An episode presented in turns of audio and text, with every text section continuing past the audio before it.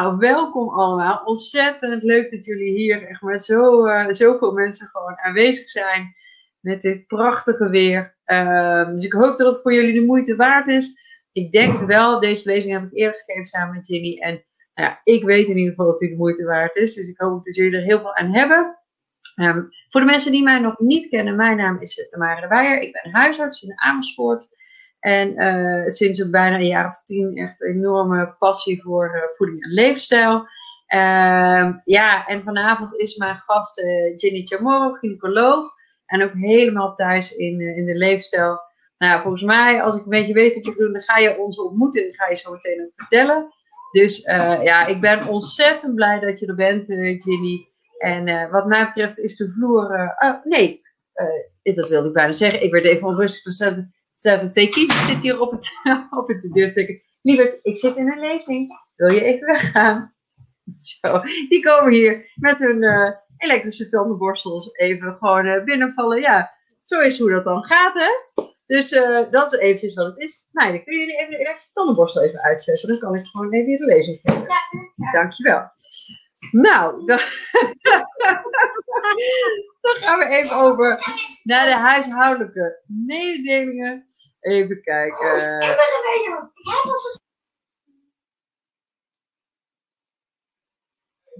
Ik zeg altijd van.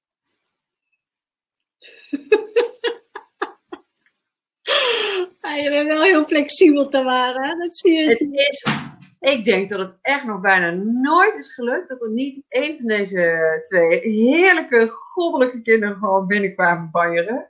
je denkt elke keer, nou nee, nu is alles onder controle. Mijn man is thuis, die gaat het bedritueel doen, alles is besproken, ze weten dat ik op deze kamer zit. Maar dan nog, dus ik hoorde ze al tegen het raam, tik, tik, tik, tik, tik. Ik dacht, ik ga gewoon een stuk door. Maar goed, toen kwamen ze binnen banjeren en toen was het, uh, nou ja, toen was het zoals het was. Uh, ik denk wel herkenbaar voor de mensen die thuis werken en kinderen hebben. Nou, goed. Ik uh, uh, laat ik gaan starten eventjes met mijn deel, even de huishoudelijke mededelingen. En nou ja, wat ik al zei voor de mensen die mij nog niet kenden, even kort het voorstel. nou, ik ben dus Tamara de Weijer, huisarts sinds nu ruim zes jaar. En met een enorme passie voor, voor voeding en leefstijl. En uh, inmiddels al een aantal leefstijlboeken ook op mijn naam staan. Dus uh, eentje met heel veel recepten, die eet beter in 28 dagen. Eén speciaal voor mensen met maag-darmziekte. En één over ja, leefstijl, echt in de breedste zin van het woord. Dus ook beweging, ontspanning, slaap, zingeving, verbinding en uiteraard recepten. Nou, ook een handboek leefstijlgeneeskunde heb ik gemaakt. En dat is met name voor professionals. En uh, ik ben oprichter en voormalig voorzitter van de Vereniging Arts en Leefstijl. En uh, die vereniging heeft het leven geroepen om echt zorgverleners te helpen met voeding en leefstijl in te zetten in hun praktijk. Nou, daarnaast het Dr. Tamara online leefstijlprogramma heb ik met een collega opgezet, maar daar ga ik je meer over vertellen. Nou, dan de huishoudelijke mededelingen. Het kan zijn dat soms je verbinding wegzakt dan is het belangrijk dat je uh, op de knop opnieuw verbindt. Die zit als het goed is in het midden bovenin, zo'n rode knop. Druk daarop en dan, uh, dan verbindt hij hem gewoon op, uh, opnieuw. Als het dan nog niet lukt, zet het even in de chat. Nou, vragen kunnen ook als Jenny zo meteen haar deelt, het gewoon in de chat zetten. jullie krijgen na afloop, dat wordt later deze week, krijgen jullie de opnames toegestuurd. Net zoals de lezing in, in PDF. Uh, ja, en dan het online leefstijlprogramma. We willen voor iedereen die zich heeft ingeschreven vanavond als dank de 100% geld teruggarantie geven voor het Dr. Tamara online leefstijlprogramma. Maar wat is dat dan? Uh, nou, je krijgt 10 weken lang krijg je 10 modules over voeding, beweging, ontspanning, slaap, uh, zingeving, verbinding, gedragsverandering. ja, hè, want je kunt allemaal weten wat je moet doen, maar ja, hoe doe je dat dan? Hè? Hoe werkt ons brein? We hebben uh, weekmenu's hebben gemaakt, we hebben een online community. Uh, we hebben elke maand hebben we een online spreekuur. Nou, normaal gesproken is het programma 99 euro en krijg je het uh, vaak terug als je aanvullend verzekerd bent. Maar voor vanavond willen we daar eigenlijk gewoon niet naar kijken. Dus nou, hoe gaat dat nou aan zijn werk? Je krijgt een link toegestuurd. Ehm, die kun je gewoon, je kunt je aanmelden voor het programma. Dien je in bij de verzekering. Ver, vergoed je verzekeringen niet, vergoeden wij het. Dus sowieso 100% geld teruggarantie. ja, en heb ik mijn verkeerde geüpload. Dat zal je altijd zien. We hebben een nieuwe leven, want dit ben jij, uh, Ginny. We hebben een nieuwe, een nieuw webinar staat alweer klaar. En dat is op woensdag 7 juli. En dat is met coach Angelique van Hest. En dat gaat over van klacht naar kans. En ja, ehm, op het moment, uh, we hebben heel vaak, en dat zullen de meeste, ik denk dat de meeste, de meeste vrouwen zeg maar zullen aan het kijken zijn vanavond. We hebben allemaal dat stemmetje in ons hoofd, wat ons continu commentaar geeft over wat doe je niet goed en wat zal hij of zij wel niet van je denken. En we zijn vaak veel strenger voor onszelf dan voor die ander. En dat um, ja, bepaalt wel vaak eh, hoe je hoe gelukkig je ook in het leven staat. Hoe vaak je naar dat stemmetje luistert en hoe goed je dat onder controle hebt. Maar ja, dat is makkelijker gezegd dan gedaan. Hè? Gewoon niet luisteren naar dat stemmetje. Uh, maar waar komt dat stemmetje nou vandaan? En eigenlijk nog veel belangrijker is, hoe kom je daar nou van af? Nou, ik stuur, zet een mail, zet ik zo meteen ook even in de chat. Dat is de aanmeldlink. Maar die krijgen jullie ook nog uh, toegestuurd. Uh, ja, ergens, dat zal de loop van deze week samen met de opleiding nou, tot zover mijn stukje. Maar het stukje, ja, jouw stukje, Ginny, is natuurlijk nog veel leuker en belangrijker. We hebben elkaar voor het eerst echt live bewust gezien. Hè? We hebben ooit elkaar wel eens een keer kort uh, ontmoet, jaren geleden. Maar de grap is, ja, het voelt voor mij alsof ik jou echt al jaren ook gewoon intensief ken. Alsof, je, ja, alsof we al vriendinnen zijn geworden de afgelopen jaren. Die ook nog toevallig dezelfde passie eh, delen. Maar we zagen elkaar pas een aantal weken geleden voor het eerst echt, echt, echt live. Nou, echt, ja, je, alle verwachtingen die ik al had, die waren, uh, die waren natuurlijk gewoon helemaal, zo, helemaal uitgekomen. Dus ik vind het te gek dat je hier gewoon weer, uh, weer bent, Ginny. En nou ja, de vloer is van jou. Heel veel plezier. Dus voor de mensen die kijken, stel je vragen gerust in de chat. Straks gaan we daar uitgebreid de tijd voor hebben. Nou, leuk. Wat een introductie, Tamara. Hartstikke leuk. Volgens mij hoef ik uh, niks te doen wat slides betreft, of wel? Alleen maar doorklikken. Dus ik zal hem nu voor je klaarzetten. Oh. En alleen maar met het pijltje doorklikken. Ja, oké. Want inderdaad, uh, ik begin met die heerlijke foto bij Tamara thuis. Het was, uh, was erg gezellig. Dit is bij haar, bij haar in de tuin. Uh, inderdaad voor het eerst uh, langdurig uh, ontmoet. Hè. Dat was hartstikke leuk. En wat ik zo grappig vind hieraan, is dat, ja, dit is een bloeiende tuin. En dat was ook ja, heel leuk om dat te zien. En Tamara heeft een passie voor moestuinplantjes.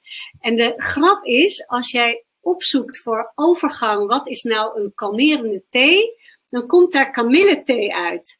Uh, en nu zie je dus, dit is een plaatje waar Tamara, ja, je kan bijna niet zien. Dat hele kleine plantje wat ze in de, uh, in de handen heeft, dat is uh, Camille, waar ze heel trots op was. Dus ik dacht, ja, deze, deze slide moet in ieder geval als eerste gaan, waar Tamara het Camilleplantje laat zien. Maar goed, inderdaad, vanavond ga ik het hebben over, over de overgang. ik zal eerst even beginnen met mezelf voor te stellen. Kan de, ik zal zelf de volgende dia, ja. Uh, ik zei dat dit plaatje, als het te vies was, eruit mocht, maar hij is erin gebleven. Dus ik denk dat jullie het uh, aan kunnen met z'n allen. Uh, dit plaatje wil, wilde ik laten zien omdat ik ja, echt een, een, een, passie voor vrouwen heb. Het, het, vrouwenlichaam, het vrouwenbrein, nou ja, alles rondom de vrouw vind ik heel interessant. En dit plaatje, hier zie je mij van achter. Uh, dit was in het begin van mijn opleiding tot gynaecoloog. En ja, hier zie je eigenlijk dat ik bij, uh, nou ja, samen met gynaecoloog uh, een, een, een goedaardige, goedaardige zwel uit de buik van een vrouw haal. En uh, ja, dit wilde ik laten zien omdat dat natuurlijk een enorm bevredigend gevoel geeft. Dat je iemand die zoveel klachten heeft, hè, die komt op de poli met uh, nou ja, dikke buik, ze kon niet meer eten, de ontlasting ging niet goed, ze had veel pijnklachten elke dag, ze kon zelfs niet meer slapen. Ja, dat je dat dan eigenlijk met uh, één operatie uh, op kan lossen, dat is natuurlijk fantastisch. Dus dat geeft een heel erg bevredigend gevoel. En zo is het met meerdere operaties zo. op dit moment werk ik in, in Acjebadem, dat is een internationale kliniek in, in Amsterdam.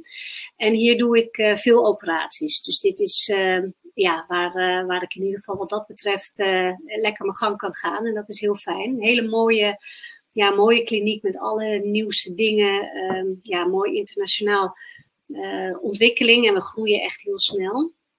maar goed, wat ik, wat ik daar ook zag en wat ik in andere ziekenhuizen ook zag, is dat je met een operatie kan je natuurlijk klachten oplossen, maar daar kan je lang niet alle klachten van een vrouw mee oplossen. En um, ja, ik bleef nog steeds veel vrouwen in de poli, de poli zien die toch kampten met klachten, uh, uh, buikpijnklachten, wat ze niet begrepen waar het vandaan kwam, maar echt wel in de buurt van de baarmoeder, maar ook allerlei uh, overgangsklachten, hormonale klachten, menstruatiestoornissen. En toen ben ik me eigenlijk meer gaan verdiepen in, uh, in hormonen en in ja, waar komen klachten vandaan. En uh, ben toen een opleiding gaan doen, uh, nu ondertussen driejarige opleiding, ortomoleculaire opleiding. En die liet mij echt zien wat een enorme invloed uh, leefstijl eigenlijk heeft. Hè, op het ontstaan van je klachten, maar ook op het genezen van klachten. En dan heb ik het, nou ja, wat Tamara ook altijd noemt, dan heb ik het over voeding, beweging, ontspanning. Nou goed, eigenlijk het hele kompas wat, wat zij ook vaak noemt ik ben daar toen wat mee gaan doen. Dus ik, uh, naast, uh, naast mijn werk in, uh, in Amsterdam ben ik toen een eigen praktijk gestart. en ook gestart met veel lezingen in het land geven om zoveel mogelijk nou ja, te vertellen aan de vrouwen wat ze nou kunnen doen met al die vervelende klachten. Hoe ze dat nou, nou ja, naar eigen hand kunnen zetten. Hè? Kapitein op het eigen schip. en dat is echt, ja, dat geeft heel veel voldoening. Dat is heel leuk. En je ziet dat vrouwen uh, ja, vooral de vrouwen die naar die lezingen komen zijn natuurlijk nieuwsgierig wat ik te, wat ik te vertellen heb. En dat zijn ook de vrouwen die dat heel snel uh, toepassen in hun leven en dan ook heel snel effect zien van, uh, van die adviezen die ik geef. Dus dat is, geeft mij veel, veel voldoening. Linksboven is het plaatje bij Food First. Dat is waar Tamara ook bij zit. Ehm, maar goed, in ieder geval dit. ja, dus dit is Dr. Gin, wat ik daarnaast heb opgezet. Uh, ik wil het uh, vanavond met jullie over hebben. Um, ja, ik, ik, kan heel veel vertellen, maar ik wil me vooral focussen op, um, op de overgang. En waarom op de overgang? Omdat daar dan hormonaal gezien heel veel gebeurt met, uh, met een vrouw. dus ik wil beginnen met in ieder geval een tweetal hormonen te bespreken die door de eierstokken worden gemaakt. Wat die hormonen nou doen. Um, daarna wil ik bespreken ja, wat voor klachten je daarvan kan krijgen en uh, wat nou de invloed van leefstijl is. Dus, dus nou ja, hoe je die klachten dan uh, kan verminderen of zelfs helemaal weg kan krijgen. En op het laatst wil ik ook kort nog iets zeggen over uh, hormoontherapie. Ik heb deze twee plaatjes erbij gedaan omdat ik het echt heel fijn vind dat er zoveel aandacht is uh, aan, uh, ja, aan de overgang eigenlijk. Uh, Isa Medina zijn natuurlijk een mooi, mooi voorbeeld van. Maar ook allerlei magazines die het hebben over de, over de tweede ronde. ik denk dat het heel goed is ja, als je nagaat dat 150 jaar geleden de gemiddelde leeftijd van een vrouw 47, 48 jaar was. En dat we nu al richting de 83 zitten ja, dan kan je wel voorstellen dat vroeger die overgangsklachten, dat, dat was helemaal niet, uh, dat speelde helemaal niet. En nu, uh, ja, rond je vijftigste willen vrouwen nog heel veel. En uh, merken dat er toch van alles gebeurt in hun lijf, waardoor ze dat niet meer goed kunnen. En dan heb ik het natuurlijk over werken, over leuk met vriendinnen dingen doen, soms ook voor kinderen zorgen. dus dat, um, ja, dat is in ieder geval het stuk wat ik, wat ik mee wil nemen vanavond. Ik wil beginnen met uh, het, het op- en top vrouwelijke hormoon wat gemaakt wordt door de, door de eierstokken. En uh, dit is Natasha. Natasha is uh, de meest sexy vrouw van de wereld, wordt ze genoemd. En um, ja, ik, ik, wilde haar laten zien omdat zij echt laat zien wat, wat oestrogeen nou eigenlijk is. Hè? Oestrogeen wordt aangemaakt door je, door je eierstokken. En oestrogeen zorgt ervoor dat je um, ja, wulps bent, dat je uh, gewild bent bij de mannen, dat je uh, mooie vrouwelijke vormen hebt, dat je borsten, inderdaad, heupen, maar ook dat je haar glanst, dat je huid mooi is, dat het vocht vasthoudt. maar nog veel meer dingen. Het zorgt ook voor uh, bescherming voor hart- en vaatziektes, wat natuurlijk een hele belangrijke is. Het zorgt er ook veel voor dat je botten sterk blijven, osteoporose, hè, dus het botverval wordt uh, tegengegaan door, door oestrogeen. Nou ja, dat zijn natuurlijk allemaal fantastische functies. En je kan je voorstellen dat, ja, het is natuurlijk een heel gek idee dat rond ons vijftigste dat, dat oestrogeen ineens van ons afgenomen wordt, want die eierstokken die, die stoppen er gewoon mee. Um, ja, ik, oestrogenen wordt ook wel gezegd, keeps you juicy from vagina till joints. Dat zijn uh, Amerikaanse gynaecoloog, maar het is inderdaad zo dat dat ook veel vocht vasthoudt. Hè? Dus wat ik al zei, in, bij je huid merk je dat, maar ook in, uh, in gewrichten uh, merk je dat, dat het vocht goed vasthouden wordt. Dus dat is het uh. Ik ga straks nog verder over wat voor klachten je daar naar bij kan krijgen als dat wegvalt. Uh, wat ik vergeet te zeggen, oestrogeen is natuurlijk ook heel belangrijk voor het zwanger worden. Oestrogeen zorgt ervoor dat het slijmvlies in de baarmoeder, het endometrium, dat dat lekker dik wordt. Dus dat er een soort bedje ontstaat uh, waar dan het bevruchte eitje zich kan innestelen. Uh, dus dat is ook nog een hele belangrijke functie ervan. Ook nog de hersenen functie van de hersenen. Oestrogeen zorgt ervoor dat de bloedvoorziening goed is, dat er glucose bij de hersenen komt. Uh, uh, dus dat je, nou ja, goed, dat multitasken, dat bestaat eigenlijk niet, hè, maar goed, in ieder geval, het geeft aan dat je als vrouw soms heel veel dingen tegelijkertijd uh, kan doen. Daar zorgt ook dat oestrogeen voor. Kan je wel voorstellen als dat wegvalt, wat er allemaal zou kunnen gebeuren?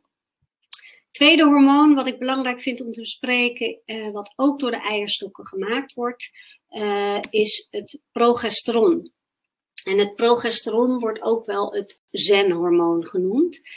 Uh, je eierstokken maken dat, maar ook bijvoorbeeld tijdens de zwangerschap wordt dat door de placenta aangemaakt. En um, progesteron zorgt ervoor, dat geeft eigenlijk een, een stabiliserende, kalmerende werking. Het zorgt bij je zenuwen voor een soort ja, myelineschede. Uh, zodat prikkels die binnenkomen, dat die gedempt uh, worden. en je kan je voorstellen dat dat natuurlijk heel prettig is. het zorgt ook voor slaap, dat je goed kan slapen, geeft, geeft rust. En um, ja, wat, wat, misschien ook wel veel vrouwen herkennen is aan het eind van de zwangerschap, halverwege aan het eind, wordt het progesteron heel erg hoog. Hè? Dat wordt aangemaakt door, door de placenta. En je ziet dan ook sommige zwangere vrouwen die, ja, alsof ze in een, in, in een gelukzalige wolk uh, zitten, rompertjes uit te zoeken. En, en, maar daar wil ik mee zeggen dat eh, ja, elk hormoon heeft natuurlijk niet alleen maar positieve invloeden, maar ook negatief. En uh, bij progesteron is dat bijvoorbeeld het stukje het, het terugtrekken in je, in je schulp, hè, het, in huis uh, opsluiten, Netflixen, snacken, dat, dat kan daar ook allemaal bij horen. Bij die PMS-klachten bijvoorbeeld, premenstrueel syndroom, daar is ook het progesteron hoog. Waarom ik dit zo zeg, is, um, ja, ik probeer het zo makkelijk mogelijk te maken door allerlei eigenschappen van een hormoon te vertellen. Maar je moet altijd in gedachten houden, een hormoon heeft positieve en negatieve kanten, maar ook, het gaat vooral om de balans met elkaar. En dat progesteron en oestrogeen, die, die doen een soort dans met elkaar, eh, waardoor zo'n menstruele cyclus eh, kan ontstaan. En dat is, is natuurlijk heel mooi op elkaar afgestemd. En als dat goed gaat, ja, dan uh, dat is natuurlijk uh, fantastisch. Um, ja, dit plaatje laat ik altijd zien aan vrouwen, want daar laat ik eigenlijk zien wat gebeurt er nou met die hormonen rondom de menopauze, rondom de overgang. En um, menopauze noem ik ook wel vaker de tweede puberteit. Je ziet in de puberteit dat um, vrouwen van onvruchtbaar vruchtbaar worden, dus de eierstokken uh, uh, beginnen te werken. En daar moeten veel, uh, ja, veel pubermeisjes moeten daar weer een evenwicht gaan vinden. Um, en de menopauze zorgt, is eigenlijk dat de eierstokken gaan stoppen met werken. Dus die zijn eerst actief, je bent vruchtbaar en dan ineens word je onvruchtbaar. Um, ook daar moet weer een nieuw evenwicht gevonden worden. En dat gaat uh, niet bij iedereen uh, even gemakkelijk. Als je nagaat dat wel 80% van de vrouwen rondom de overgang klachten ervaart. Is dat, uh, ja, is dat natuurlijk een heel hoog percentage. Dit plaatje wilde ik laten zien, omdat je daar al aan ziet. Ja, je kan je ook wel voorstellen, het is natuurlijk niet zo. De, de gemiddelde leeftijd van de menopauze, menopauze is echt de laatste menstruatie, is 51 jaar. Um, maar je kan je wel voorstellen, het is natuurlijk niet op je 51ste dat die eierstokken van het een op het andere moment stoppen. Het is natuurlijk een proces. Dus de jaren daarvoor zie je al dat die eierstokken steeds minder gaan, uh, minder gaan werken. En dat begint al nou ja, vanaf 35 ongeveer. En dit plaatje laat ik zien omdat je daarbij ziet dat als eerste dat progesteron naar beneden gaat en daarna pas het oestrogeen. En waarom vind ik dat zo belangrijk? Als jouw oestrogeen naar beneden gaat, uh, krijg je wel de bekende opvliegers en uh, stop je met menstrueren. En dat is eigenlijk het stukje wat iedereen wel herkent van dat dat bij de overgang hoort periode ervoor, dat het progesteron naar beneden gaat, dat is de periode waarbij bijvoorbeeld de menstruatie onregelmatig wordt. Of waarbij iemand, een vrouw ineens heel veel bloedverlies heeft bij menstruatie, met heel veel stolsels. Vorige keer zei een vrouw, ja, alsof de kraan open staat. Dat heb ik nog nooit gehad. Um, maar ook een periode, ja, ik zei het al, progesteron, zenhormoon, een periode waarbij vrouwen merken, ik kan heel veel prikkels eigenlijk niet meer aan, wat ik vroeger wel kon. En uh, ik word vaker boos om niks, uh, um, of slaapproblemen. Ja, dus die periode voor, voor die 50, 51 jaar, daar zie je dat progesteron al dalen. En daar beginnen dus al allerlei klachten te ontstaan. Uh, wat vrouwen soms heel goed voelen van, god, er is hormonaal wat met me aan de hand. Maar wat niet altijd door hulpverleners uh, herkend wordt, omdat de vrouw gewoon nog menstrueert in die periode. Uh, daar komt ook nog bij dat um, hier zie je eigenlijk dat hart- en vaatziektes um, bij de man uh, heel hoog zijn. Hè, tot, en dat wij ze daarna in gaan halen. Want wat ik al zei, dat oestrogeen, dat werkt beschermend voor uh, hart- en vaatziektes. Dat valt dan ineens weg na je vijftigste jaar. Uh, en dan zie je dat wij ineens die mannen in gaan halen. En dat hart- en vaatziekte echt ja, doodsoorzaak nummer één wordt. Zelfs meer dan alle kankers bij elkaar. Dus dat, ja, het is natuurlijk niet leuk dat ik dit zo vertel, maar ik denk wel van extra belang. Uh, het is wel goed om te weten, want ja, van extra belang om, om, om je leefstijl, om je, je hart zo goed mogelijk uit te dagen, om te zorgen dat je zo goed mogelijk conditie bent, dat je daar zo min mogelijk last van uh, hebt. En uh, voor de hulpverleners, ja, natuurlijk belangrijk dat we de klachten ook herkennen bij vrouwen. Dus dat we niet denken, ach, uh, het ligt aan de overgang, maar hou altijd in je achterhoofd van, ja, hart- en vaatziektes uh, staat heel hoog. Uh, dus ja, laat altijd, als je twijfelt, de cardioloog meekijken of, of nog voor de zekerheid een hartfilmpje maken. dus weet in je achterhoofd dat hart- en vaatziektes, die beschermende werking, die valt weg. ik heb hier nog even een plaatje waarbij ik toch alle klachten een beetje op wil sommen. En dat is niet om, uh, nou ja, om jullie allemaal de put in te praten. Maar dat is meer om uh, te vertellen van, joh, wat, wat kan er nou allemaal bij, bij komen kijken bij de overgang. En uh, ja, dat je in ieder geval kan herkennen van, zie je wel, dit is inderdaad, heeft dit met die hormonale shift te maken.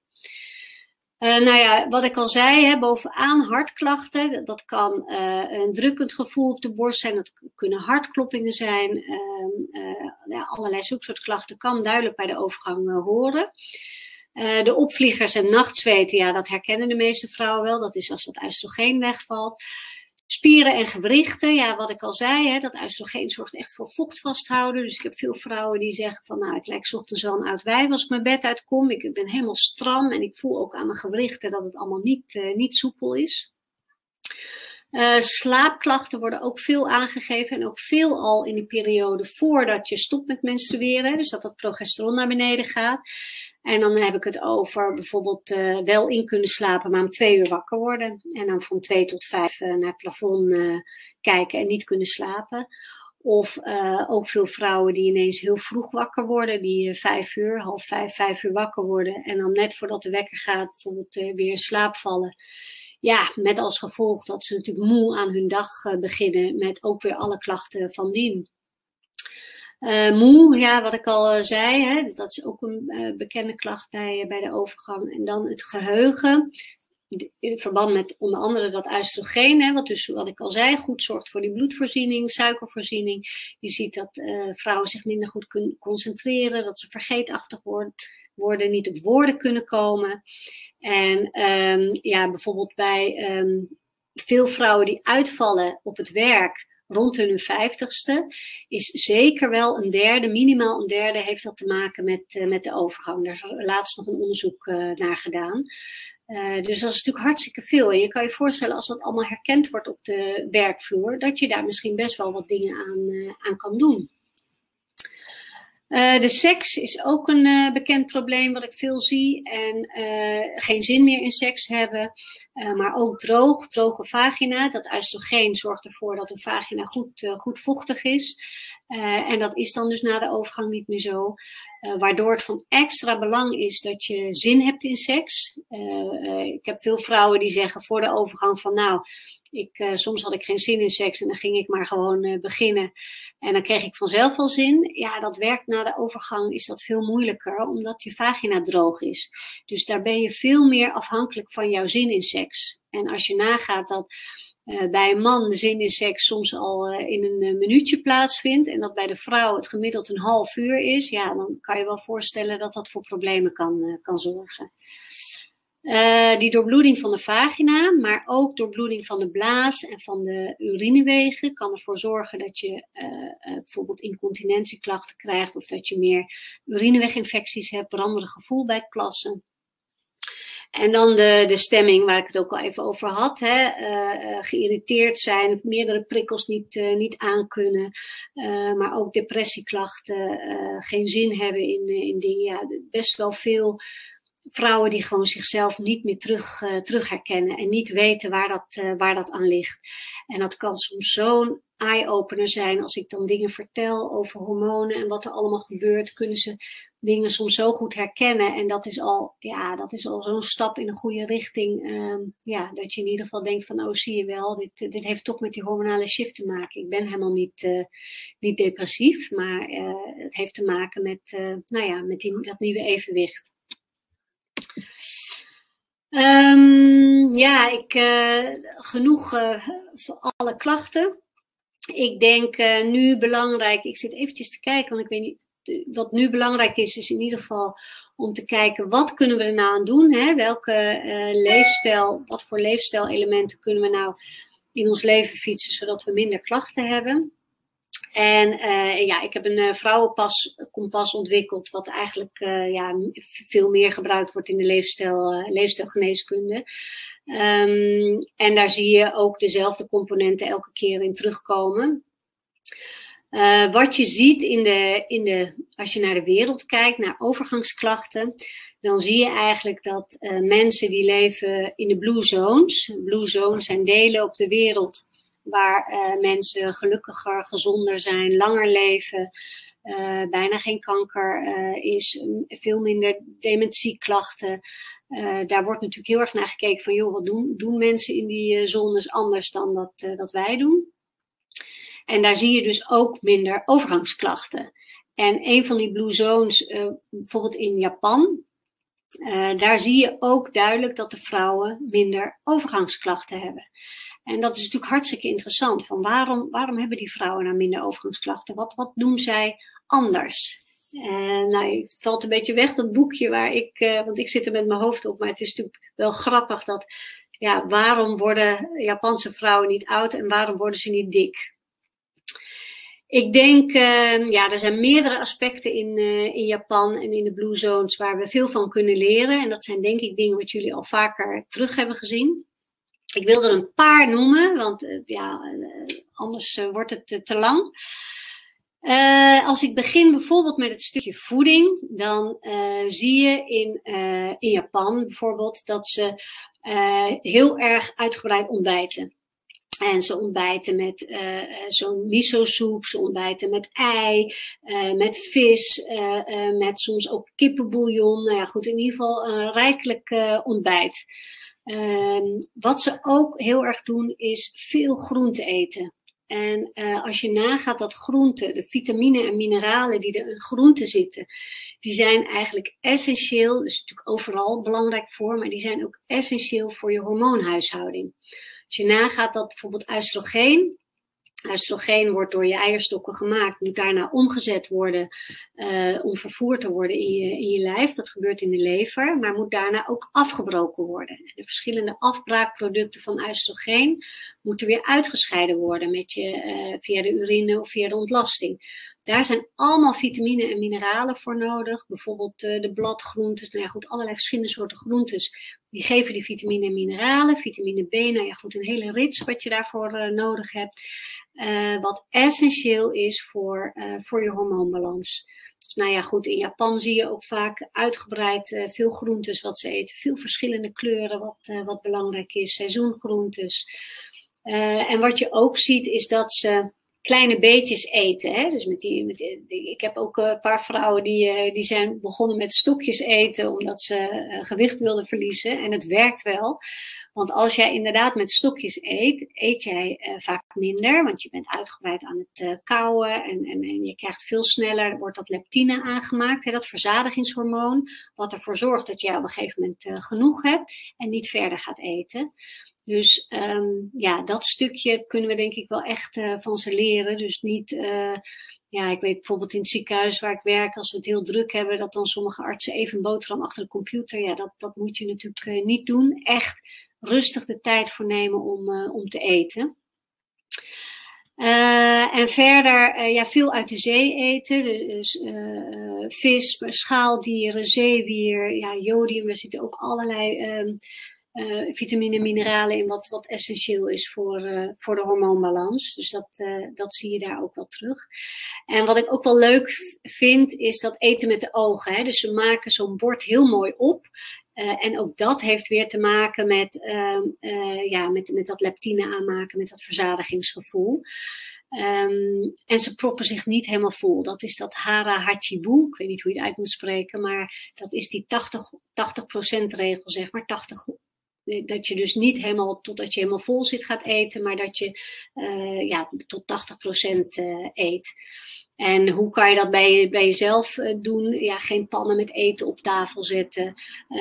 Niet nog een keertje opscheppen. Gewoon even rustig alles laten, laten zakken. Totdat je merkt van hé, hey, dit is eigenlijk wel, wel genoeg.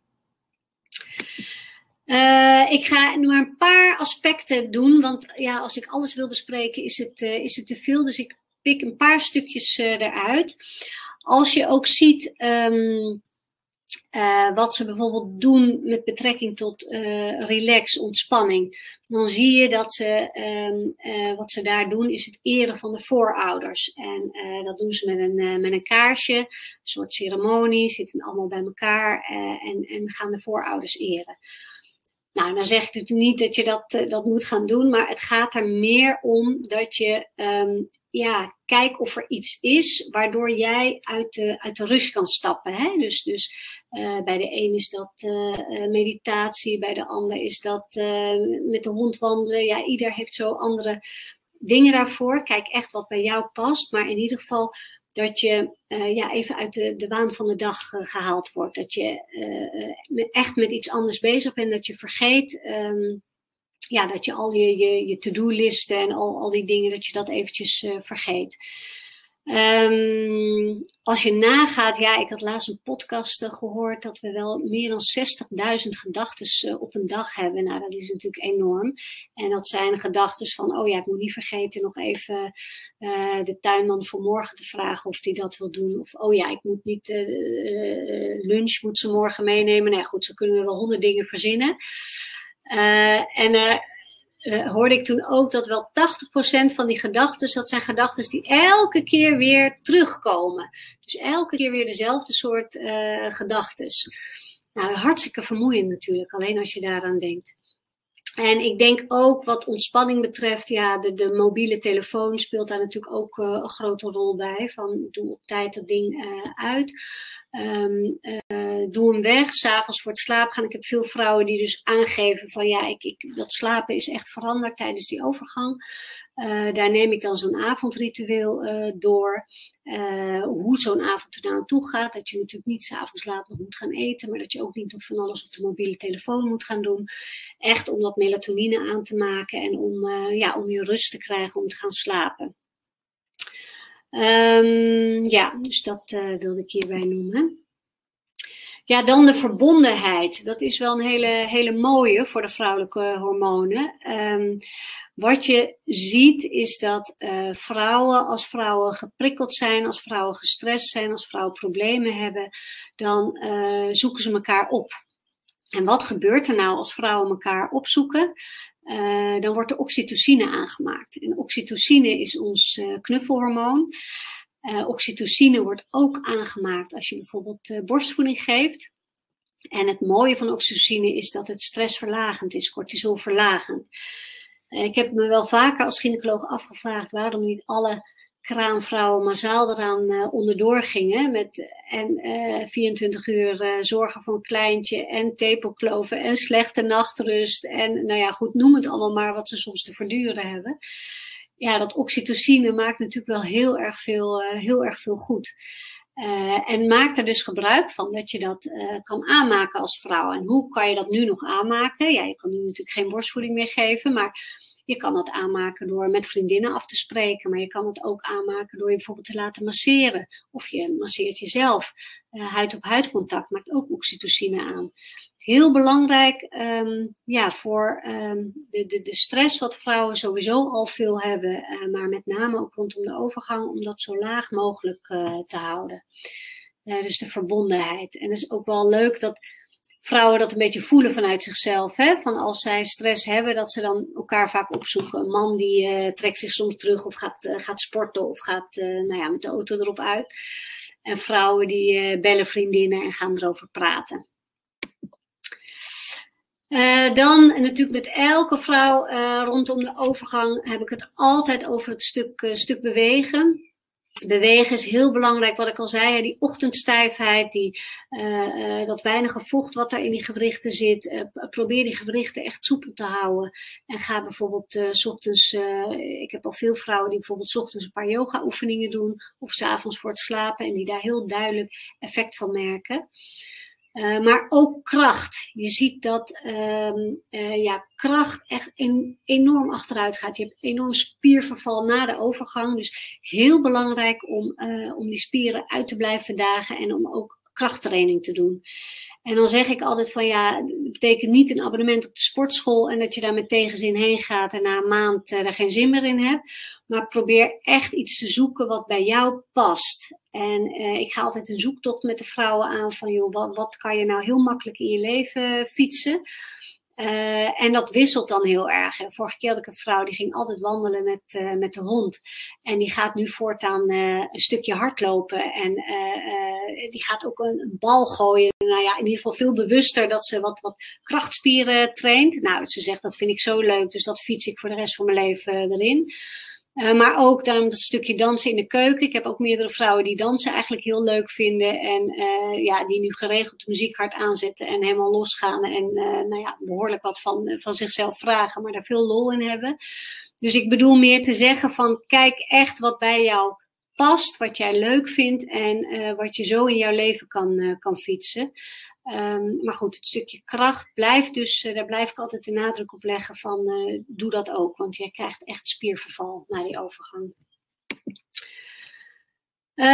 Dan ja, wilde ik dit plaatje er toch nog even in hebben. Want wat ik zie als ik met vrouwen aan de gang ga met betrekking tot leefstijladviezen, is dat veel vrouwen daar baat bij hebben. En, maar dat er ook echt nog wel een gedeelte vrouwen overblijft die zegt van ja, ik blijf nog steeds elke nacht wakker worden van de opvliegers. Of ik heb nog veel te veel klachten, wat mijn kwaliteit van leven behoorlijk beïnvloedt.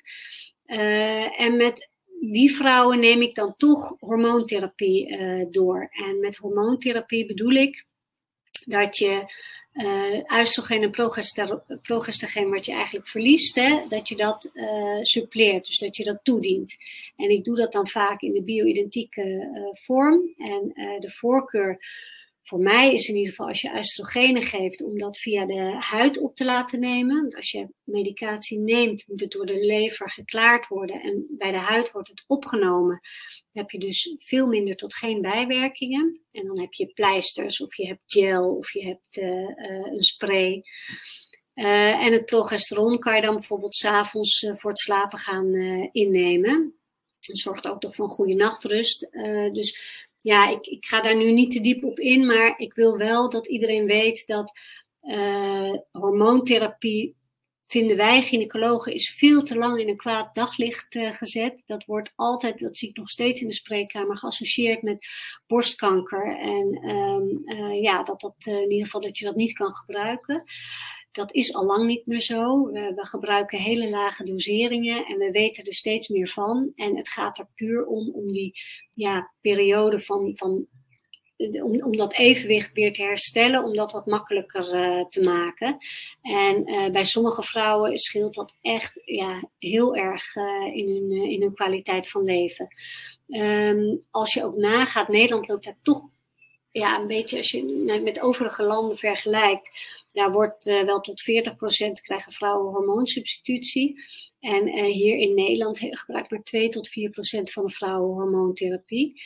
Um, je ziet nu onze richtlijn van de gynaecoloog is recent aangepast en die van de huisartsen wordt ook aangepast. Uh, en daar zien we dus eigenlijk aan dat, uh, ja, dat we steeds liberaler zijn met uh, hormonen voorschrijven, omdat we gewoon zien dat, ja, dat vrouwen er zo ontzettend veel last van kunnen hebben en dat het heel veel baat kan, dat ze er veel baat bij kunnen hebben. Uh, oh, dit is nog mijn oude presentatie. Even kijken. Ja, ik had eigenlijk twee andere dia's, uh, Tamara. Maar goed, dat geeft niet. Uh, dit is wel een dia wat ik graag aan jullie wilde vertellen. Want dat is, luister echt naar je, naar je lijf. Hè. Luister naar alle klachten die je lijf je aangeeft. Om te kijken wat je daar nou mee kan doen. Uh, wat dat nou voor signaal is. En uh, ook met overgangsklachten, um, ja, denk ik dat bepaalde signalen er om een reden zijn. En dat je daar echt naar moet luisteren en uh, ja, daar wat mee moet doen. Want als je daar maar overheen stapt en niks mee doet, dan kan het van kwaad tot erger worden. Um, ja, ik, ik heb nog een andere laatste diëte, maar ik hoop dat ik die nog erin kan zetten. Maar dat gaat erom dat ik iedereen een cadeautje wil geven. Want ik heb een uh, mini-cursus ontwikkeld, een zevendaagse mini-cursus, die uh, gratis is. En uh, ja, daar kan iedereen aan deelnemen. Uh, en daar kan ik nog veel meer van alles uh, uitleggen. Dus van alles over hormonen leg ik daar uit, maar ik leg daar ook van alles uit. Uh, leefstijltips, adviezen, recepten. Nou, van alles deel ik met jullie. En dat is fijn als je zelf natuurlijk in de overgang zit, maar ook fijn als, als hulpverlener. Dus daar had ik eigenlijk. ik had eigenlijk twee andere dia's, maar dat geeft niet. Nou, wat ik, ja, dat is wat lastig, want hij is voor mij klaargezet. Dus ja. ik, doe, ik doe op de hosting, de techniek doe ik niet ga zo meteen even, want we hebben heel veel vragen binnengekregen. Even mijn collega vragen hoe dit, uh, hoe dit zit. En of we die inderdaad nog uh, naar, uh, ja, even tevoorschijn kunnen toveren. Ja. maar laten we ondertussen even. Dus sowieso ook iedereen krijgt het gewoon toegestuurd. We zorgen dat dat in orde komt. Dus dat, dat moet geen probleem zijn. Ik heb hier een heleboel vragen. eerst ging het nog over mijn lieve, lieve dames. die binnenkwamen banjeren. Even kijken. Daphne vraagt mij een aanvullende verzekering van mensen wil het vorig jaar niet vergoeden. Zou graag nog eens meedoen, maar ik heb nog dezelfde zorgverzekering. Geen enkel probleem, Daphne. Dat wordt gewoon vergoed. Uh, het e-book van het vorige webinar van Ginny, is dat welke je bedoelde ook, uh, Ginny? Het e-book? Nee, bedoel je nu die cursus? Ook, maar ik, ja, die, die cursus is hartstikke leuk. Die is ja. ook wel uitgebreid en ja. uh, die is ook gratis. Dat is zeven dagen lang. Dus de, ik denk dat de vrouwen daar wel veel aan, uh, veel aan hebben. Dus die wil ik ook aanbieden aan ze. Ja, het komt helemaal in orde, lieve dames. Alles wordt, alles wordt jullie toegestuurd. Ehm, Rita vraagt, heb je meer last van opvliegers wanneer het warm is? Nou ja, het is nu natuurlijk echt ongelooflijk warm. Uh, de, de, afgelopen week, weken gaat het ook nog worden. Maar is dat nou, ja, uh, maakt dat nou uit voor die opvliegers? Ja, dat is een goede vraag. Wat, wat er gebeurt is als je oestrogeen afneemt, betekent het dat je, um, ja, je hebt een soort um, uh, zone zeg maar, in je hersenen die, die warmte en kou detecteert. En die wordt smaller. Dus je hebt het sneller warm en sneller koud. Uh, dus ik kan me voorstellen dat ja, als het dan ja, warm is, um, dat je dat misschien sneller detecteert. Maar ik, het gaat vooral om, om die wisselingen eigenlijk. Uh, en om um, ik bedoel wisseling in het oestrogeen, als dat oestrogeen op en neer schommelt, dan kan je ineens, ja, kan die zone veranderen en dan kan je sneller warm en koud voelen. Dus ik, ik durf niet te zeggen met de warmte, uh, daar heb je dan meer last van. Dat, zo, zo duidelijk durf ik dat niet te zeggen, nee. Nee, duidelijk. Hey, Gerdien zegt dat vreselijke opvliegers hormoonpleisters lossen dit duidelijk op, maar ik kon, lang niet, kon het uh, niet lang gebruiken verband met slecht slapen. Die merkte dat na bijna 60 dagen gezond en bijna suikervrij te eten, bijna van de opvliegers af ben. Kan het door het verbeterende dieet gekomen zijn? Ja, dat is echt gaaf, hè? Zulke dingen, dat is zo gaaf en dat hoor je zo vaak inderdaad suiker, maar ook uh, koffie, alcohol, uh, uh, specerijen, gekruid eten. En dat probeer ik ook altijd te doen als eerste die leefstijl aan te pakken. Ja. En daar zie je heel veel effecten van. Dus ik vind het leuk dat ze, dat ze dit zegt. Want inderdaad, ja, ga daar eerst naar kijken. En, en die hormonen komen pas op het laatst als het allemaal niet werkt. Ja. Ik heb ondertussen even met mijn collega van de technische dienst eventjes contact gehad. En degene die het klaarzet geeft uh, vanavond een yogales. Ook super belangrijk, dus die, maar die kunnen we dus even niet storen. En wij zorgen in ieder geval dus dat dat uh, met de rest van de opnames, zodat dat gewoon wordt uh, toegestuurd. Um, Jeannette vraagt nog, vorig jaar juni was mijn laatste menstruatie. Maar sinds februari heb ik af en toe, ja, noem het maar, kleine hè, interne bloedingen. Ik merk het als mijn vagina veeg of dep na plassen. Dus echt een klein beetje. Ja, is dat dan echt een menstruatie? Of zeg je dan toch, nou, misschien goed om het heel even na te laten kijken? Ja, ja, ja, precies wat je zegt, Tamara. Wat, wat belangrijk is, is als jij al een laatste menstruatie hebt gehad uh, uh, en daarna krijg je nog bloedverlies, en je weet niet wat het is, maar het is wel belangrijk om te laten nakijken dat er niks met de baarmoedermond of met het slijmvlies van de baarmoeder aan de hand is. Het is heel makkelijk na te kijken met een speculum en met een echo. En dan weet je gewoon precies uh, ja. Ja, waar je aan toe bent. Dus, uh, even melden bij de huisarts. Uh, even spieken. Hoe laat is het? We hebben nou gepland als tot half tien. Uh, ja, ik heb meerdere vragen voorbij zien komen van vrouwen die echt meer dan 10, soms wel meer dan 15 jaar last hebben van overgangsklachten. Uh, ja, Zo, hè, ze zegt, uh, Ria zegt een paar procent van de vrouwen heeft er last van. Um, ja, wat, wat zijn de vooruitzichten? Ja, vervelend hè? Ja. ja, ik zie het een paar keer voorbij komen hier. Echt vrouwen die echt heel lang er last van hebben. Ja, ja. Um, wat zijn de vooruitzichten? Ja, wat, wat ik altijd moeilijk vind is wat komt waar vandaan. Maar ik weet inderdaad dat er vrouwen zijn die heel lang uh, van die opvliegers bijvoorbeeld uh, hebben. Uh, ik weet ook vrouwen die, ik, ik, heb er een paar in mijn praktijk lopen die gestart zijn met hormoontherapie, wat fantastisch werkt en uh, die eigenlijk steeds ouder worden en daar niet meer uh, vanaf willen. Uh, een mevrouw is 67, die gebruikt het nog steeds. Die zegt, ja, de groeten, als ik er weer vanaf ga, dan krijg ik weer allerlei, allerlei klachten. Ik adviseer dat natuurlijk niet, maar ik snap haar keuze wel. Um, ja, ik denk meer uitzondering dan regel. Dat is denk ik belangrijk om te weten. En ik denk ook, um, ja, de paar mensen die ik in de praktijk heb gehad, die dat best wel lang hebben uh, gehad, daar was toch het, uh, het stressstukje, het cortisolstukje, was een stuk wat heel erg bij hun, uh, bij hun meespeelde. Dat is natuurlijk niet bij iedereen zo, maar ik, een vrouw die had een, een baan wat best wel veel van haar, van haar eiste. En had niet zo door dat dat uh, elke dag weer voor stress uh, zorgde. Mm. Uh, maar kon dus toen heel duidelijk aangeven: als ik vakantie heb, dan heb ik minder last van die overgangsklachten. Waardoor op een gegeven moment bij haar, nou ja, de connectie kwam van: goh, is, is het, heeft het niet ook met dat stressstuk te maken?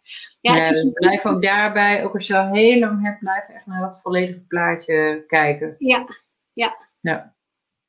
Even kijken. Ik heb hier uh, Sylvia vraagt hoe komt het dat je met hormoonsuppletie uh, toch door de overgang komt terwijl je hormonen aanvult. Misschien in de overgang komt? Denk ik, Sylvia.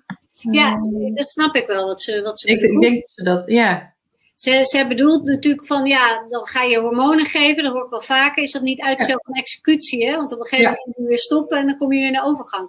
Nou, het gaat er vooral om dat je moet je voorstellen, zo'n eierstok, die, die, die stopt er steeds meer mee. En die gaat op een gegeven moment een beetje haperen. Dan weer wel en dan weer niet. En je probeert eigenlijk dat, dat, dat haperen, zeg maar, probeer zo soepel mogelijk te laten verlopen door hormonen te gebruiken. En heel belangrijk is, is dat je niet uh, de pil bijvoorbeeld gebruikt, want dat is anticonceptie, hè, tegen, om, dus om niet zwanger te worden. Want dat zijn veel te hoge, veel te hoog gedoseerd. Oestrogeen en progesteron is te hoog gedoseerd. Dus als je echt de medicatie voor de overgang uh, neemt, zijn dat echt laag gedoseerde uh, hormonen. En je gaat ook proberen zo laag mogelijk uh, te zitten wat, uh, wat nog effect heeft. Dus je maakt eigenlijk een soort zachte landing, hè, komt, het, ja. komt het op neer. Dus, dus dat gehaald... In plaats van een crash. Ja, ja. ja, ja. Nou, dat is een mooi bruggetje naar de volgende vraag. Gardien zegt, oeh, blijft vraag bijkomen, dan schiet hij een beetje naar boven. Nou, wat is de invloed op het gebruik van een anticonceptiepil uh, bij de overgang? Tot welke, leefstijl, uh, tot welke leeftijd adviseert u deze te gebruiken? Ja. Um, ik vind na je vijftigste geen, uh, geen plek meer, hè? Ik weet wel dat veel vrouwen denken van nou, de groeten, het gaat nu goed en ik slik gewoon lekker die pil door en misschien bij 55 dat ik een keer stop. Maar ja, dat adviseer ik niet. Je, je, waarom zou je onnodige risico's ja. lopen met trombose en nou ja, noem alle risico's maar. Terwijl je ja, gewoon heel laag gedoseerd uh, kan zitten. Dus ik zou echt wel rond je 50, 51 kijken of je langzaam over kan gaan op, uh, op die lager gedoseerde hormonen. Is dat hetzelfde als met de Mirena-spiraal? Of de Implanon? Of... Ja, dat is een goede. Dat doen we inderdaad vaak een combinatie met uh, Mirena. Maar Mirena is het progesteron. En dan heb je dus nog wat oestrogeen nodig. Dat oestrogeen is dus wat ik via pleister of via gel of via uh, spray. En dan moet je ter bescherming van het slijmvlies van de baarmoeder, moet je altijd progesteron erbij geven. En dat is of een capsule s'avonds voor het slapen, wat ook nog rustgevend is. Of inderdaad wat je zegt, die Mirena. Hè? Die ja. Mirena is progesteron en dat beschermt dat slijmvlies. Dus ik zie ook veel vrouwen die dat met Mirena combineren. Ja, dus dat kan wel hè? Ja. Uh, even kijken. Carolien zegt nog, houdt een verhoogd cholesterol nog verband met de overgang? Ja, dat zijn weer die hart- en vaatziektes. Hè? Die ja. op hart- en vaatziektes als dat oestrogeen uh, wegvalt. Dus van ja, essentieel belang, nou ja, heel dat leefstijl, hè? het eten, bewegen, uh, heel belangrijk. Ja. ja. Ik heb, uh, meneer, even kijken, mevrouw A, ziekte van Graves op de 23ste, overactieve schildklier, jaar medicijnen jodiumtherapie gestabiliseerd. Uh, cyclus was uh, niet stabiel, maar op mijn 35ste werd het onregelmatiger. Even kijken, bleef weg, de klachten opvliegers. Waar komt er nog een stuk achter? Oké. Het stopt midden in een zin. Ga kijken, het is een soort cliffhanger. Kijken of we dadelijk uh, nog een, een ander stukje hebben. Volgens mij zag ik het verder op, kwam er nog een stukje. Het is moeilijk altijd te kijken wat waar vandaan komt. Zo'n schildklier, ja. als die te snel werkt, zorgt die ook voor hartkloppingen, zorgt die ook voor gejaagdheid. Ja. Um, dus ja, het is altijd moeilijk wat komt waar vandaan. Het zijn ook hormonen wat met elkaar samenwerkt. En ja. Um, ja. En dat is misschien ook alweer een mooie naar de volgende vraag. Uh, Ria zegt bij autisme is prikkelverwerking overprikkeling een probleem. Is het al logisch te veronderstellen bij vrouwen met autisme de overgang nog meer moeite hebben? Dus dat de symptomen van autisme lijken te verergeren. Uh, Weet ik niet. Weet ik ja, dat, dat, durf ik ook niet te zeggen. Uh, ja, zegt dan ook over als je depressief bent, moe, andere psychische klachten. Kijk, ik denk wel als je belastbaarheid lager is, kan ik me zomaar voorstellen dat je dus daar wat gevoeliger voor bent. Specifiek is met autisme durf ik ook niet. Uh, de, de, de, de. Nou, die hebben we besproken.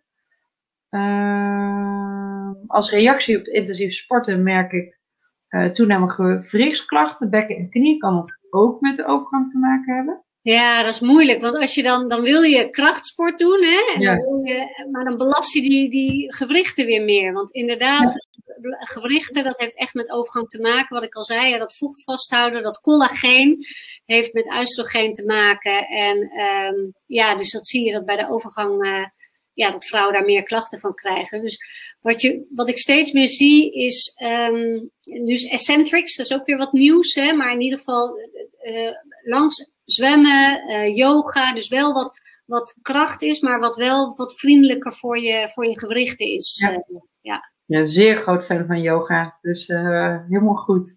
Um, mevrouw A zegt nog, even kijken, dus dat is een, een, een, een stukje zeg maar verder. Sinds 39 gebruikt ze hormoontherapie. Ze is middels 45 en wil eigenlijk gewoon graag toch de femaston graag stoppen.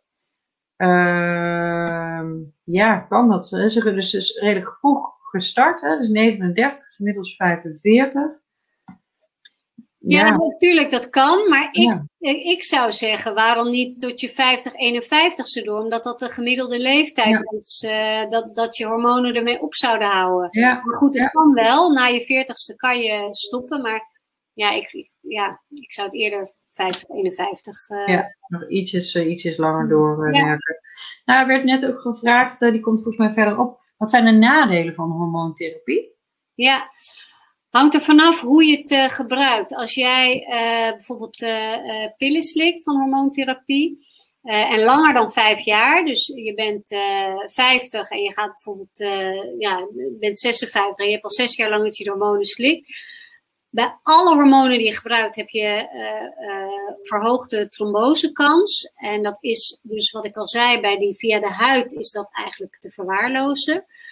Uh, maar ook als je het langer dan vijf jaar gebruikt, vooral het progesteronstuk, uh, uh, is verhoogde kans op borstkanker. En dat is veel lager dan we altijd dachten. Maar ja, wij, wij houden meestal die vijf jaar aan als gynaecologen. Dat we zeggen van nou daarna toch proberen af te bouwen. Vaak doen we het al eerder. Dus vaak zeg je twee, drie jaar hormoongebruik en dan kijken steeds meer afbouwen hoe dat, hoe dat gaat. Ja, en het is niet, begreep ik eerder van je de bedoeling dat je stopt, start, stop, start, stop, start. Nee, goed dat je dat zegt, inderdaad. Dat is heel slecht uh, cardiaal en voor die bloedvaten. Want als er dan al een verandering ingezet heeft, doordat die oestrogenen weg zijn, als je dan het weer bijgeeft, dan is het juist uh, gevaarlijk. Maar even praktisch, even advocaat van de duivel. Je denkt, je hebt het twee, drie jaar gebruikt. Uh, je denkt, nou, volgens mij gaat het wel goed, ik ga stoppen. Maar je merkt dat alles weer in volle hevigheid terugkomt wat doe je dan? Want ja, je wil voor die hart- en vaten wil je dan misschien toch niet meer beginnen. Maar ja, je, je wil eigenlijk ook die klachten niet meer terug. Wat, wat zou je dan adviseren? Maar dat merk je dan denk ik vrij snel. Hè? Kijk, het is niet dat je dan... Ik, ik heb het meer over dat je na een half jaar weer denkt van... Nou, ik, ik heb nu toch wel weer last, laat ik weer starten. Ja. Maar als je doet zoals jij zegt, van ik ga eens kijken hoe het gaat... Ja, kan je natuurlijk heel goed weer die dosering... Uh, Gewoon een klein beetje klein beetje afbouwen en dan kijken gewoon uh, ja. ja. Dus ook daar weer een zachte, zachte landing. Ja. Uh, Gerlinde vraagt nog, was het verband tussen de hevigheid van uh, overgangsklachten en zwangerschap? Zijn ook uh, overgangsklachten anders als je nooit zwanger bent geweest? Leuk. Ja, wat een goede vraag. Ja. Uh, wat wel zo, dat durf ik niet te zeggen. Wat wel zo is, is dat na de zwangerschap is ook een soort overgang. Hè? Na je zwanger, als je net bevallen bent, kelderen die hormonen ook naar beneden. En daar kunnen vrouwen ook soms soort van overgangsklachten krijgen. Maar um, ja, de associatie met een zwangerschap met overgang, dat durf ik niet ja, weet jij wat, wat ze bedoelt, uh, Tamara? Wat, uh... Nou, als je nooit zwanger bent geweest, of je dan erger, uh, meer overgangsklachten of minder overgangsklachten, of, of, dat, of dat uitmaakt. Ja, nee, dat ken ik, dat ken ik niet. Ik weet wel dat vrouwen die, een, een zwangerschap is een soort stresstest. Hè? dus vrouwen die bijvoorbeeld tijdens de zwangerschap zwangerschapsdiabetes hebben, suikerziekte of hoge bloeddruk dat laat zien dat, dat zij daar gevoeliger voor zijn. Dus mm. dan mhm. kan je dus ook na de overgang daar meer klachten van hebben. Dus dat, dat is het okay. wel. Ja. ja. Duidelijk.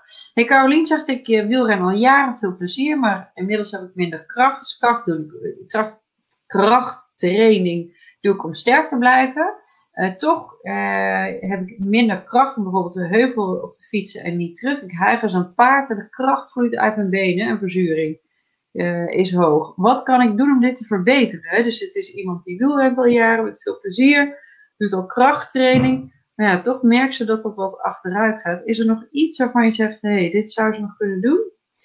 Ik denk heel goed wat ze doet. Dat ze het gewoon doet. En uh, ja, dat, dat zou ik uh, koesteren. En dat zou, ja, fantastisch dat ze dat doet.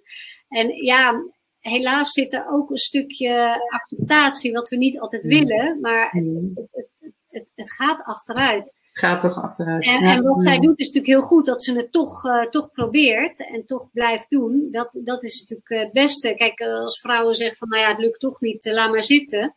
Dan zie je dat het veel harder achteruit gaat misschien. Ja. Wel, ja. ja. duidelijk. Hey, Dineke zegt dat kan hormoontherapie ook helpen bij de overgang als je PCOS hebt. Ja, en wat je ook vaker ziet bij PCOS is dat uh, hoe ouder vrouwen worden, dat het op een gegeven moment vanzelf overgaat.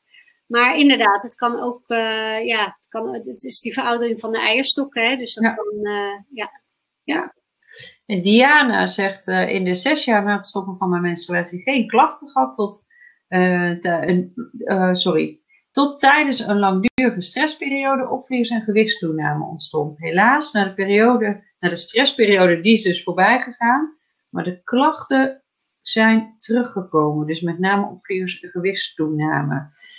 Ehm, wat ik ja, nog niet helemaal goed terug kan halen, Diana, is wat je al qua leefstijl al hebt gedaan. Ik kan me zo voorstellen dat daar nog wel winst in te behalen is. Heb jij hier nog iets specifieke... Zie je dit vaker, eh Ginny?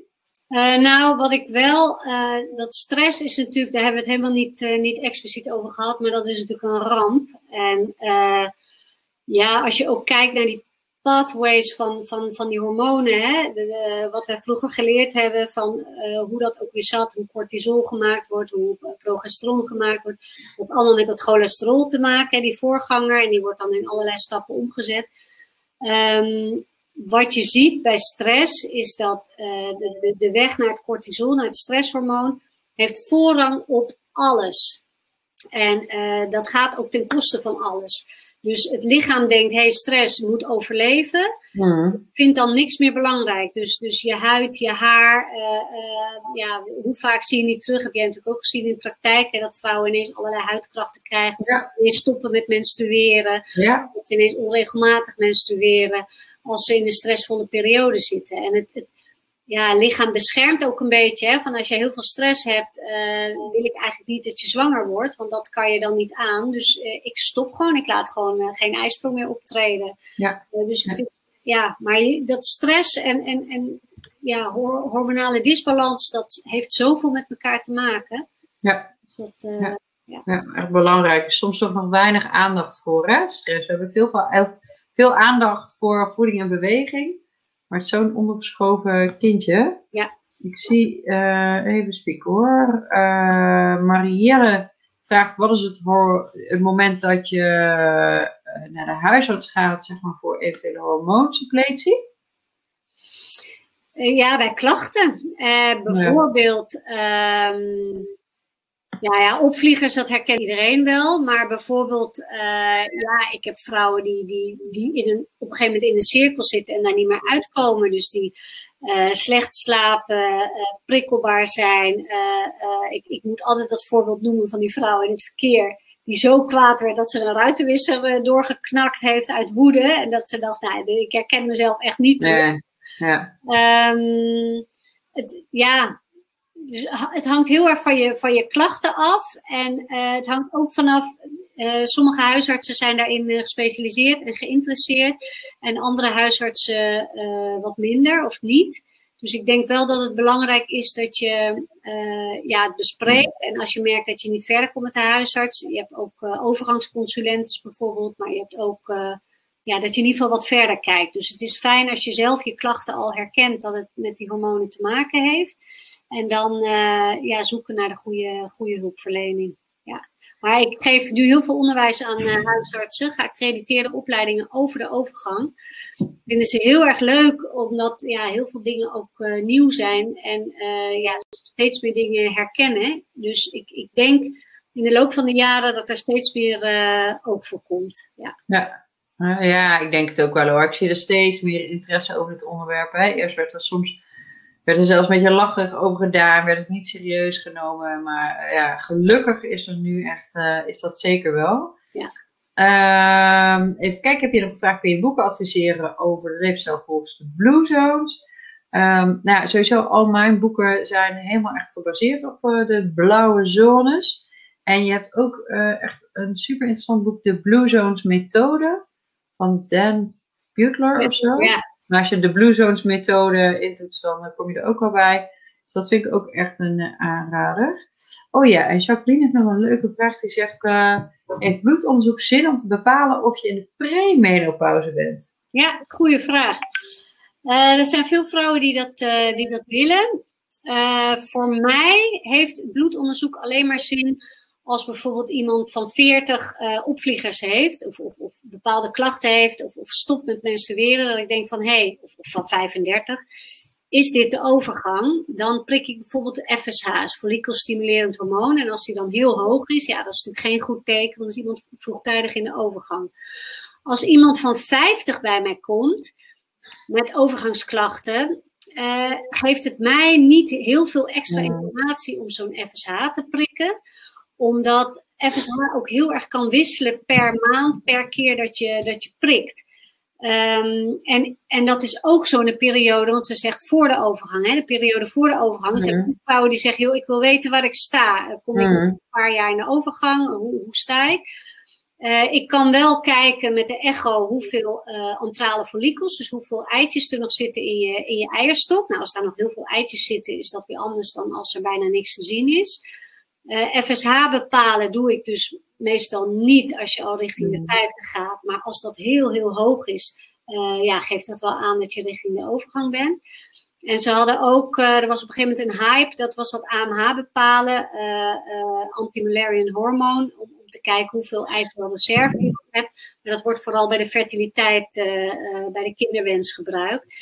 Uh, dus in de reguliere geneeskunde wordt, ja, wordt nauwelijks hormonen bepaald. En, en als het wordt bepaald, zegt, kan het dus niet jouw antwoord geven van joh, dit duurt nog twee jaar of drie jaar. Nee, nee, nee. Dus eigenlijk niet zo, ja, niet zo zinvol is misschien het vaak de klachten wel veel, wel veel interessanter. Ja.